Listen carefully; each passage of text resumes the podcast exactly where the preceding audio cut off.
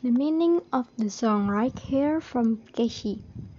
After being translated, the meaning of the lyrics of the song right here tells about someone who managed to let go of the the dark endings with his ex-lover and still maintain a good relationship with his ex-lover ex-lover as good friend. The meaning of the song dependent from Keenan Te.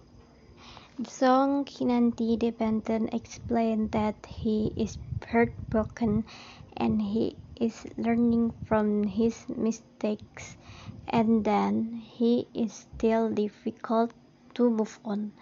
He is afraid to love again.